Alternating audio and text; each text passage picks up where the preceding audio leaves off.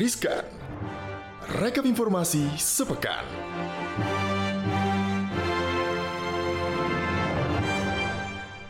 Hai Sobat Cuan. Halo Sobat Cuan. Apa kabar Sobat Cuan di pekan ini? Pekan yang penuh shock terapi kayaknya ya. Uh, Khususnya di banget. uh, kebijakan-kebijakan finansial di global maupun dalam negeri. Ya enggak sih? Senang banget. Hari ini Maria Katarina bareng sama Angel siap menyapa Sobat Cuan di seluruh belahan dunia mana pun lewat Ya, ya. podcast kita. Wih, mantap. Dalam Riskan, rekap Rekap informasi sepekan. di belahan dunia mana pun atau belahan-belahan yang lainnya ya. Benar. Supaya kita bisa agak rileks di awal karena setelah ini kita bakal bacain berita yang bikin kita terkejut gitu ya. Gak ada yang relax kayaknya nih stok berita hari ini ya. Benar. Karena di awalinnya aja udah dari The Fed yang kembali naikin suku bunga 75 basis point ya. Nggak main-main. Nggak main-main. Tapi sih ini udah di pricing sebenarnya sama analis, ekonom ya. Benar, yang benar. sudah menduga bahwa Federal Reserve atau The Fed ini finally naikin suku bunga acuan sebesar 75 basis point. Dilansir dari CNBC Internasional, The Fed akhirnya uh, menaikkan suku bunga dana uh, Federal hingga kisaran 3% sampai 3,25% dan ini paling tinggi sejak awal 2008 coba. Dan menurut The Fed, langkah kenaikan suku bunga ini merupakan upaya untuk menurunkan inflasi Hmm. yang mendekati level tertingginya juga sejak awal 1980-an. Oke. Hal ini itu diprediksi juga berdampak besar pada dunia bisnis hingga rumah tangga karena biaya pinjaman rumah, Mobil, sampai Mm-mm. kartu kredit juga pasti bakalan terpengaruh ikut naik gitu kan? Betul. Eh, memang sih kan tujuannya compete the inflation ya, artinya stop Benar. untuk eh, jajan, stop untuk konsumsi, mulai saving. Sebenarnya tujuannya kan kayak gitu, makanya suku bunganya dinaikin nih.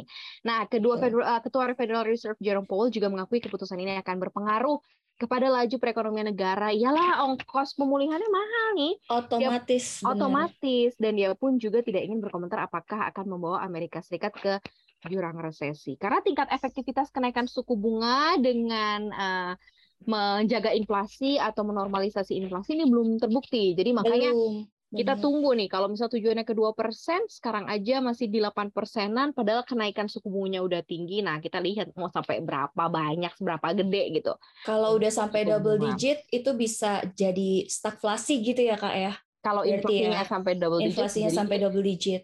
Iya, itu berbahaya sih sebenarnya ya, karena akan memukul yang lain. Oke, itu sih yang sudah di price in, sudah ketahuan lah ya, karena juga analis kita di pekan ini juga banyak ngomongnya, kemungkinan akan tetap hawkish, kemungkinan akan tetap naikin suku bunga. Tapi kalau yang ini nih bikin eh, Kaget, kaget ini kaget guys karena Iya. baru baru dinaikin juga kan ini kemarin. mm-mm, mm-mm. Tahu-tahu sekarang dinaikin lagi karena BI ini akhirnya bikin shock.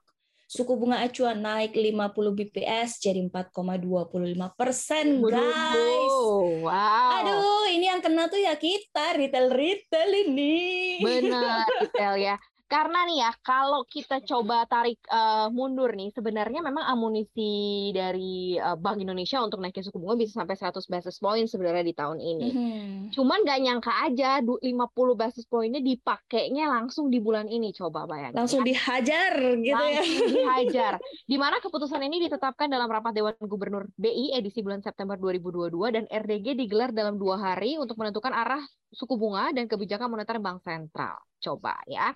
Sebagai catatan, BI secara mengejutkan menaikkan suku bunga acuan sebesar 25 BPS menjadi 375 di Agustus. Kenaikan itu adalah yang pertama sejak November 2018 atau dalam 44 bulan. Bahkan ekonom DBS ya Rahadika Rio Rahadika Rao juga mengatakan BI perlu menaikkan suku bunga untuk menjaga ekspektasi inflasi. Nah, ekspektasi inflasi diperkirakan meningkat setelah pemerintah ini menaikkan harga BBM subsidi pada 2 September lalu. Mhm. Inflasi umum Indonesia ini kan menembus 4,64 persen year on year ya. Ya. Sementara inflasi ini tercatat 3,04 persen year on year. Sementara inflasi inti tercatat 3,04 persen year on year. Inflasi inti year on year ini adalah yang tertinggi sejak November 2019. Ya, jadi stand-nya BI sekarang udah sama ya eh, dengan beberapa suku bunga eh beberapa eh, kebijakan Negara, suku bunga negara kebijakan. lain ya di mana negara barat kan memang sudah di era suku bunga tinggi sekarang kita merangkak menuju ke era suku bunga tinggi ya. Dari kemarin 3,5-nya lama banget berbulan-bulan, sekarang udah 4, Tapi ini masih di aja. masih di range aman ya karena di bawah lima persen ya. Iya, masih dicoba masih... di, uh, dikendalikan dengan sebaik-baiknya lah ya. Mungkin hmm. ada kebijakan moneternya akhirnya dipakai mungkin karena dia memandang akan banyak gejolak nih setelah ini dengan kenaikan 75 BPS-nya Amerika itu sih yes, kayaknya. Betul. Kita okay. lihat saja lah nanti ya. Betul Setelah betul ya. Naik naik naik naik ada juga yang anjlok nih. Ada yang turun ternyata yang ngasih yang ngasih yang ngasih. Aduh, baru kemarin kayaknya tertinggi sepanjang sejarah gitu oh, ya. Oh. Akhirnya anjlok juga guys. Nih batu bara anjlok sampai 6% lebih. Benar. Di hari Kamis kemarin harga harga batu bara kontrak Oktober di pasar ICE Newcastle itu ditutup di 420,65 US dollar per ton. Harganya jatuh 6,1 persen dibandingkan dengan hari sebelumnya. Nah, harga itu adalah harga yang terendah sepanjang bulan ini. Ya karena kan bulan ini juga kemarin ada yang tertingginya kan. Oh, jadi betul. benar, benar, benar, benar, benar. Nah, jadi pelemahan tersebut juga memutus tren positif harga batu bara yang menguat pada Senin hingga Rabu pekan ini. Dalam sepekan aja harga batu bara ini sudah melandai 3,9 persen secara point to point. Dalam sebulan harga batu bara juga anjlok 5,6 persen. Sementara dalam setahun masih melesat 130,2 persen. Dan hmm. melemahnya harga batu bara ini disebabkan oleh ya penurunan harga gas serta ya ini kesimpang siuran kebijakan embargo batu bara Rusia kan karena bilangnya sampai batas waktu yang tidak hmm. ditentukan. Jadi kita nggak tahu sampai kapan tahu, ya kan. Betul. Ya, bahkan seperti diketahui, anggota Uni Eropa telah mengusulkan sejumlah proposal untuk menurunkan harga gas ini. Salah satunya adalah dengan mengenakan pajak kepada produsen listrik yang ongkos produksinya ini rendah. Uh-huh. Bahkan batu bara awalnya itu dikecualikan. Uni yes. Eropa bahkan berencana mengizinkan impor batu bara di luar kawasan. Namun, informasi terbaru mengatakan jika Uni Eropa tetap melarang impor batu bara Rusia. Aduh, duh, dadu. Sampai kapan ya ini ya ampun, ya ampun. Ya mungkin kita harus mulai bersiap-siap ya. Ya kita tunggulah ini kan kalau yang namanya commodity price global ini kan memang uncertainty lah semuanya digerakkan oleh faktor global ya. Benar. Gitu.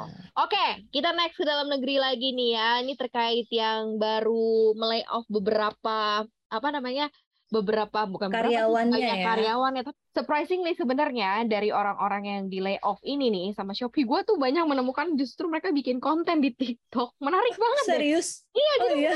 jadi mereka lucu banget jadi mereka bilang last day uh, kena PHK uh, apa namanya di Shopee jadi mereka kayak goodbye gedung goodbye uh, apa namanya tempat absen goodbye gitu lucu-lucu hmm. banget jadi sebenarnya mereka tetap apa ya mungkin masih tetap uh, happy dan fight ya karena kita tahu ya hmm. badai PHK di sektor startup ini kan belum usai giliran Shopee Indonesia memangkas jumlah sejumlah karyawannya dan PHK ini disebut sebagai langkah efisiensi yang dilakukan oleh perusahaan. Nah ini nih kayaknya Angel kenal banget nih sama yang ini nih. Jadi Head of Public Affairs Shopee Indonesia Radinal Nata Prawira menjelaskan bahwa dengan berat hati Shopee Indonesia harus melepas sejumlah karyawannya karena keputusan ini merupakan langkah terakhir yang harus ditempuh setelah melakukan penyesuaian melalui beberapa perubahan kebijakan hmm. bisnis. PHK terpaksa dilakukan sebagai langkah efisiensi bisnisnya di tanah air. Memang nggak diketahui ya jumlahnya berapa sebenarnya yang terdampak ya. Namun hmm. menurut informasi yang diterima oleh CNBC Indonesia kurang lebih ini tiga persen karyawan yang dirumahkan di Shopee Indonesia dari totalnya 6.000. Jadi ya kurang lebih 186 orang ya. Dan hmm. PHK karyawan Shopee Indonesia ini bukan uh, yang menjadi kabar yang mengejutkan karena secara global ya Shopee memang sudah pernah melakukan layoff juga atau PHK di berbagai negara. Iya benar. Shopee itu udah menutup kantornya di sejumlah negara di Amerika Latin ya. Laporan Reuters itu mengutip tiga sumber yang mengatakan bahwa perusahaan menutup operasional lokalnya itu di Chili, Kolombia, dan juga Meksiko, serta menutup seluruhnya di Argentina. Jadi emang udah bukan hal yang baru ya untuk efisiensi salah satu cara yang paling praktis itu ya adalah ya layoff gitu ya. Tapi memang kan kalau kita tahu ya bahwa culture uh, bisnis di startup seperti apa. Memang mereka hmm. uh, sangat-sangat uh, mengambil langkah taktis kalau memang terlalu banyak, terlalu over gitu ya. Jadi mereka memang harus Hmm. tight banget sama Hmm. budget. Wajar sih Benar. kalau seandainya memang ya ini terjadi begitu karena perusahaan startup di mana-mana juga melakukan hal yang sama. Tapi tetap semangat buat teman-teman. Shopee ya. Masih ba- masih banyak pekerjaan di depan sana yang menunggu kalian. Kalian luar biasa. Udah ada tahu yang siap menampung ex Shopee gitu, salah satu eh, salah satu perusahaan besar Oh juga. ya. Mm-mm, jadi dia udah umumin gitu kayak eh, buat eh, para mantan karyawan Shopee kami siap menampung lalalala gitu. Uh, seru deh. Jadi bisa tetap beli Pertalite ya. Oh, tetap Eh, bisa beli Pertalite, tapi kenapa ya beli Pertalite harganya naik? Kok cepet habisnya boros gitu ya? Lebih iya? boros. Emang gitu ya? Jadi beberapa waktu belakangan, media sosial itu dihebohin Kak sama adanya Hmm. keluhan mengenai pemakaian bahan bakar minyak jenis Pertalite. Mhm. Karena pasca harganya naik nih, BBM Pertalite justru dinilai kualitasnya itu menurun dan semakin boros. Benar nggak Hmm. kualitas BBM Pertalite menjadi lebih boros, Kak? Oke, oke, oke. Kita coba cek fakta berikut ini ya. Corporate Wih. Secretary PT Pertamina Patraniaga Irto Ginting meyakini bahwa mutu dan spesifikasinya sama aja, udah sesuai katanya. Adapun standar dan Mhm. mutu Pertalite yang dipasarkan melalui lembaga penyaluran resmi di Indonesia sesuai dengan keputusan Dirjen Migas nomor 0486 titik K garing 10 garing DJM titik S garing 2017 tentang standar dan mutu BBM RON 90 yang dipasarkan di dalam negeri. Dia juga menyebutkan bahwa batasan dalam spesifikasi eh, Dirjen Migas yang menunjukkan tingkat penguapan pada suhu kamar di antaranya adalah parameter rate vapor pressure atau RVP. Dan menurutnya ini, penguapan dapat berubah lebih cepat jika temperatur penyimpanannya meningkat. Secara spesifikasi, batasan maksimum untuk penguapan Pertalite adalah 10%, dibatasi maksimal 74 derajat Celcius. Mhm. Adapun produk Pertalite ada di suhu 50 derajat Celcius. Artinya pada saat temperatur 50 derajat Celcius, BBM subsidi itu sudah bisa menguap hingga 10%. Gitu. Jadi Oh. itulah penyebabnya penguapan sampai dengan 10% ketika berada di temperatur 50 derajat Celcius itu. Oh, begitu. gitu. Baiklah, Kalau mungkin ya kalau itu perasaan sih- aja gitu ya. Ah, ah, benar. Tapi kalau aku mikirnya gini sih, kenapa lebih boros? Karena yang kita beli harganya misalkan Lebih lebih, dikit, mahal, Liternya literannya dikit. lebih kecil. Iya betul ya. Secara logikanya kan gitu ya. Tapi ternyata biasanya ada penjelasan ilmiahnya. benar-benar. Biasanya 100 ribu dapat berapa liter, ini 100 ribu cuma dapat berapa liter, ya berasa lah ya. Yang Mm-mm, biasanya eh, apa namanya panahnya mungkin setengah lebih, eh, setengah kurang ya kan pasti berasa. Akhirnya jadi ngerasa kok boros banget. Padahal Benar. literannya sedikit, saudara. gitu kan bener semuanya stressfulness banget kan sobat cuan di pekan ini. Memang kita harus melalui pekan-pekan yang penuh dengan uh, ke Tantangan. tantangan ya harus struggle Betul. harus semangat tapi ya percayalah gitu ya di pekan depan pasti akan ada Mhm. sesuatu yang lebih baik lagi Semoga, Pasti semoga eh, minggu depan berita kita happy happy ya. Ada yang Iya, iya, iya, naik, iya. ada yang apa, ada yang apa gitu ya. ada Ditunggu yang ya, cuan-cuan minggu cuan ya pastinya ya Uh. thank you banget udah dengerin Rizkan hari ini sobat cuan jangan lupa dengerin kita di mana aja Dengerin kita terus dengan materi-materi yang pastinya menarik dan juga bikin insight-insight yang seru-seru gitu ya. Ada di podcast Cuap Cuap Cuan yang bisa kalian dengerin di Spotify, Apple Podcast, Google Podcast, dan juga Anchor. Oke, baik Sobat Cuan. Jangan lupa juga untuk dengerin konten-konten podcast kita lainnya yang tayang di CNBC Indonesia TV Sobat Cuan ya. Jangan lupa ya pokoknya ya. Oke, gimana Angel? Dengerin juga pamit?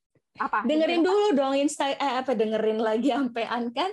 Jangan lupa juga konten-konten kita yang lain tuh juga ada yang menarik. Kita juga punya Instagram eh, live ya kan? Ah, iya, Instagram betul, live. betul, betul, Makanya pantengin terus juga Instagram kita di @cuap underscore cuan dan juga podcast-podcast kita lainnya itu ada videonya juga. Selain di CNBC Indonesia bisa dilihat juga di Di YouTube-nya.